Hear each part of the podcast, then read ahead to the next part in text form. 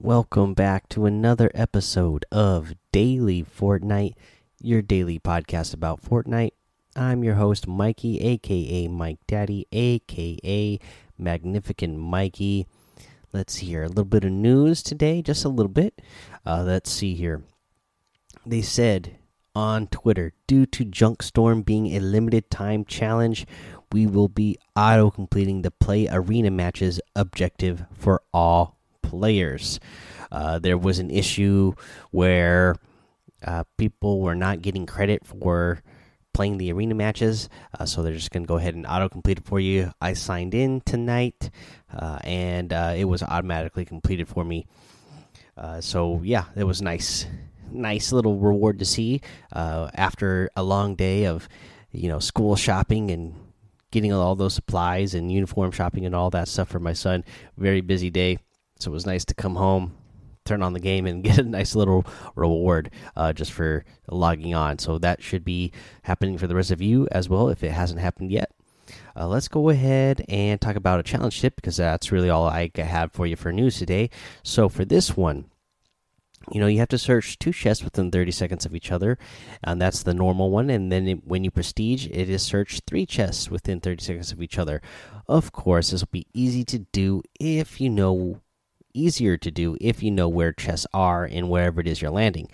But I noticed that uh, we have, you know, that great uh, cheat sheet that Squatting Dog makes for the weekly challenges. He's got a couple places marked on the map here that are very easy to get possibly three chests in, you know, back to back to back um, within seconds of each other. Uh, no problem getting it done in 30 seconds. There, so if you go to uh, Lazy Lagoon on the west side of Lazy Lagoon on the beach, there is a there's like a kind of like a dig site there where you could see a bunch of shovels have been dug uh, up and a couple of boxes. There, sometimes three chests will spawn there could be possibly four. Uh, another good spot uh, that he marked here is uh, north of Frosty Flights. There's that uh, mountain area. There is a cabin there. If you go inside that cabin, this is in uh, let's call this uh, B7. And if you go into the cabin that's there, there is a Christmas tree that is in there that sometimes has three chests in there. And then, of course, uh, in J8, John Wick's house, uh, you can find three chests real close to each other. Uh, you know, if you go in that bottom basement and open up that uh, breaking, you you break up in that uh, secret chest area there in the bottom. Uh, let's see here. Uh, so those are some three great spots that he marked. I think there's a couple other places around the map where three spawn really close to each other like that. Uh, so just be, you know, more aware of those three that we mentioned, and then if you come up with, with any others, let me know. I I think I. I, I think there's a couple I don't want to say exactly just because I don't want to steer you in the wrong place where we know those three for sure. I think I can there's two others, but I'm not sure if it's just three. If there's three chests that spawn at those spots, or if it's always just two. But anyways, uh, those are some good spots. Let's go ahead, take a little break here, come back, go over the item shop and our tip of the day.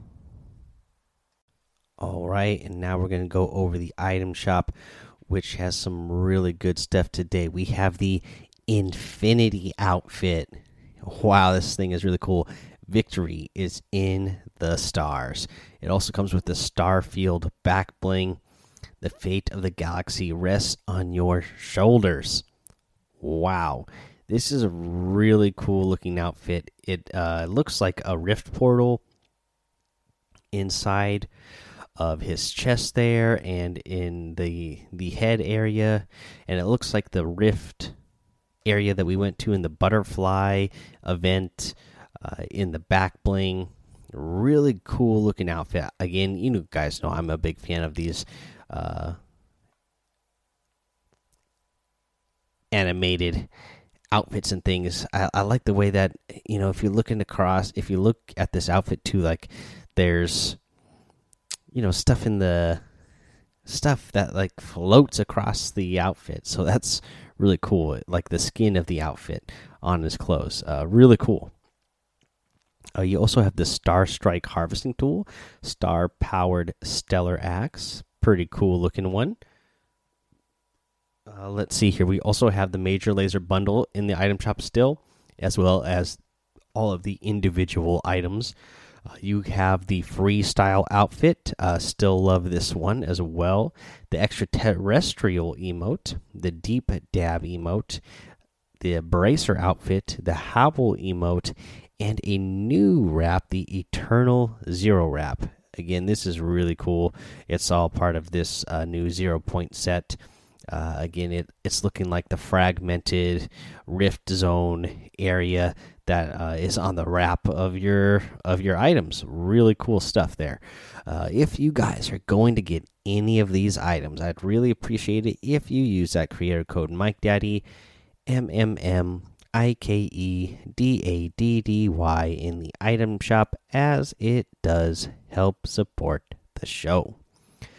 So let's get into our tip of the day. And this, I actually was watching uh, some YouTube videos earlier. Uh, now that I'm back home, I'm uh, able to watch a lot more YouTube videos a lot more easily. My parents don't have a computer; they have internet at their house, but they don't have a a physical computer. They just you know use internet on their phones and stuff. So it's nice to be able to sit down in a chair and watch YouTube. And I was watching. Uh, it's it's Jarian and I picked up this little tip uh, that he was talking about in one of his videos, and it was just a minor thing, but I thought you know there's more that you can add on to it. And he was talking about how you know in the late game, you know, the old getting the ultimate high ground is key. It, it is definitely going to help you win in the end game, but sometimes going for that ultimate high ground too early can really, you know, end up hurting you.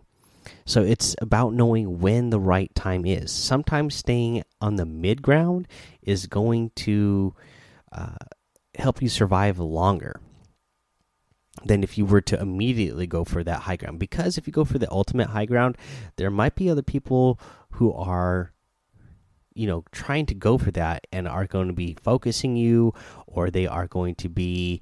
Uh, getting up there as fast as they can as well and contest you. You know, so if you are in the moving circles, maybe you don't try to go for the ultimate high ground at the very beginning when the uh, first moving circles start moving. Maybe you're going to want to wait a couple of zones and before you go up there. Plus, this is also going to give you a chance to maybe pick up a, a couple more eliminations on the mid mid ground and uh, also pick up more of the materials that those players shop. Obviously, when you're playing in arena modes and tournament modes, you're going to be granted a little bit material automatically, but it's nicer even if you can pick up the rest of what they had and get maybe get yourself back up to max.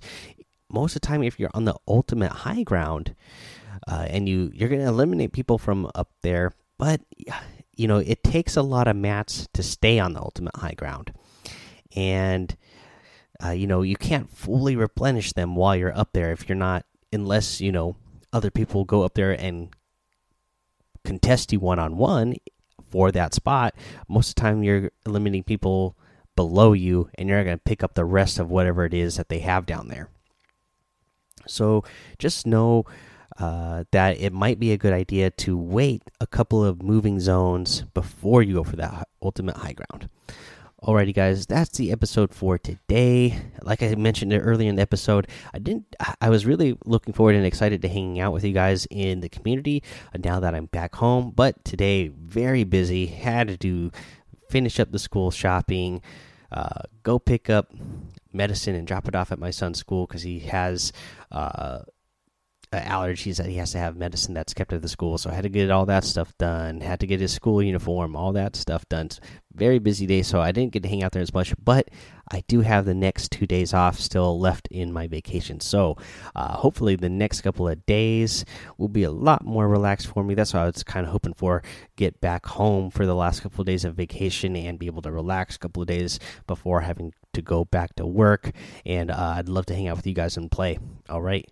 Um, but since we're talking about that, go join that daily Fortnite Discord so I can uh, hang out with you and talk with you. Follow me over on Twitch and YouTube, Mike Daddy on both of those places. Head over to Apple Podcasts, leave a five star rating and a written review for a shout out on the show. Subscribe so you don't miss an episode. And we can go ahead and get to a few reviews today if we have any. Let's take a little look. All right, it looks like we do have a couple of new reviews, so let's get to it. And this one is by Cool Kid 4.0, five star rating. Goat Farmer 09 is the title. Uh, it says this podcast is awesome. Me and Bill Hank like it. Well, Cool Kid 4.0 and Bill Hank, I'm glad you guys like it. Thank you for leaving that five star rating and written review. And we have another one here from Miss Ribs. The best Fortnite podcast ever. Five star rating, of course. And it says, I love this podcast. Thank you so much, Miss Ribs. I really appreciate it. That is awesome. Uh, thank you guys so much for leaving some reviews while I was on vacation. Uh, sorry it took me an extra week to get to those shout outs, but I'm glad we got to them here. Uh, so until next time, guys, have fun, be safe, and don't get lost in the storm.